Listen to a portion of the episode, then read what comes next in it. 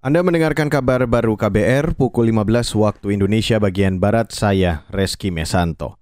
Saudara DPR berencana meninjau format penerimaan calon pegawai negeri sipil atau CPNS. Anggota Komisi DPR bidang pemerintahan dalam negeri Gus Pardi Gaus mengatakan, mundurnya ratusan CPNS yang lolos seleksi tahun lalu harus menjadi momentum perbaikan regulasi. Mulai dari perbaikan undang-undang, peraturan presiden, peraturan badan kepegawaian negara maupun peraturan Menpan RB.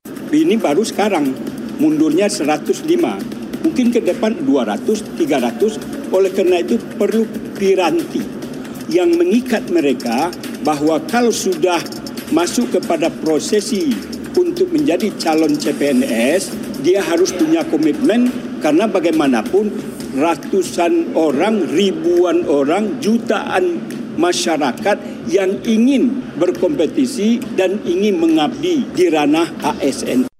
Saudara itu tadi anggota Komisi DPR bidang pemerintahan dalam negeri Gus Pardi Gaus. Sebelumnya, Badan Kepegawaian Negara atau BKN mencatat ada lebih dari 100 calon pegawai negeri sipil mundur setelah dinyatakan lulus seleksi penerimaan tahun 2021.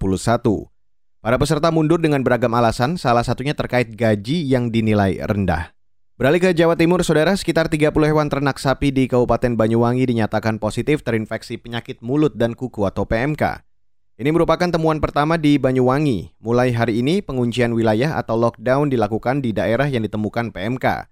Itu disampaikan Kepala Bidang Kesehatan Hewan dan Masyarakat Veteriner Dinas Pertanian dan Ketahanan Pangan Banyuwangi, Nanang Sugianto. Jadi memang ditemukan kemarin eh, ada ternak yang bergejala klinis mengarah hmm. ke PMK. Kita dugaan lah suspek lah pertamanya. Teliti, kita kan belum belum begitu nampak lah ciri-ciri dan sebagainya. Akhirnya untuk penentuan diagnosa uh, ternak sama uh, status wilayah lah status wilayah kabupaten kita kirimkan ke sampel lab ke Surabaya dan memang hasilnya positif ya dan hmm. kemudian ternyata laporan-laporan yang lainnya gejala klinisnya sangat mirip Kepala Bidang Kesehatan Hewan dan Masyarakat Veteriner Banyuwangi, Nanang Sugianto menambahkan, sapi yang terinfeksi PMK diisolasi selama 14 hari. Selama masa isolasi, ternak yang sakit akan diberikan obat dan dilakukan penyemprotan disinfektan. Sementara itu, Wakil Bupati Banyuwangi Sugirah mengatakan akan mengevaluasi rencana pemberian izin pedagang hewan kurban.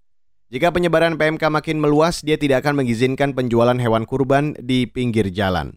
Saudara pebulu tangkis Indonesia Gracia Poli mengumumkan rencana pensiun atau gantung raket sebagai atlet profesional. Dikutip dari Antara, acara perpisahan khusus akan digelar sebelum laga final Indonesia Master 2022, 12 Juni nanti. Peraih emas Olimpiade Tokyo 2020 itu akan tampil pada pertandingan eksebisi. Gracia mengatakan, ide ini datang dari pelatihnya Eng Hian dan disetujui oleh PBSI.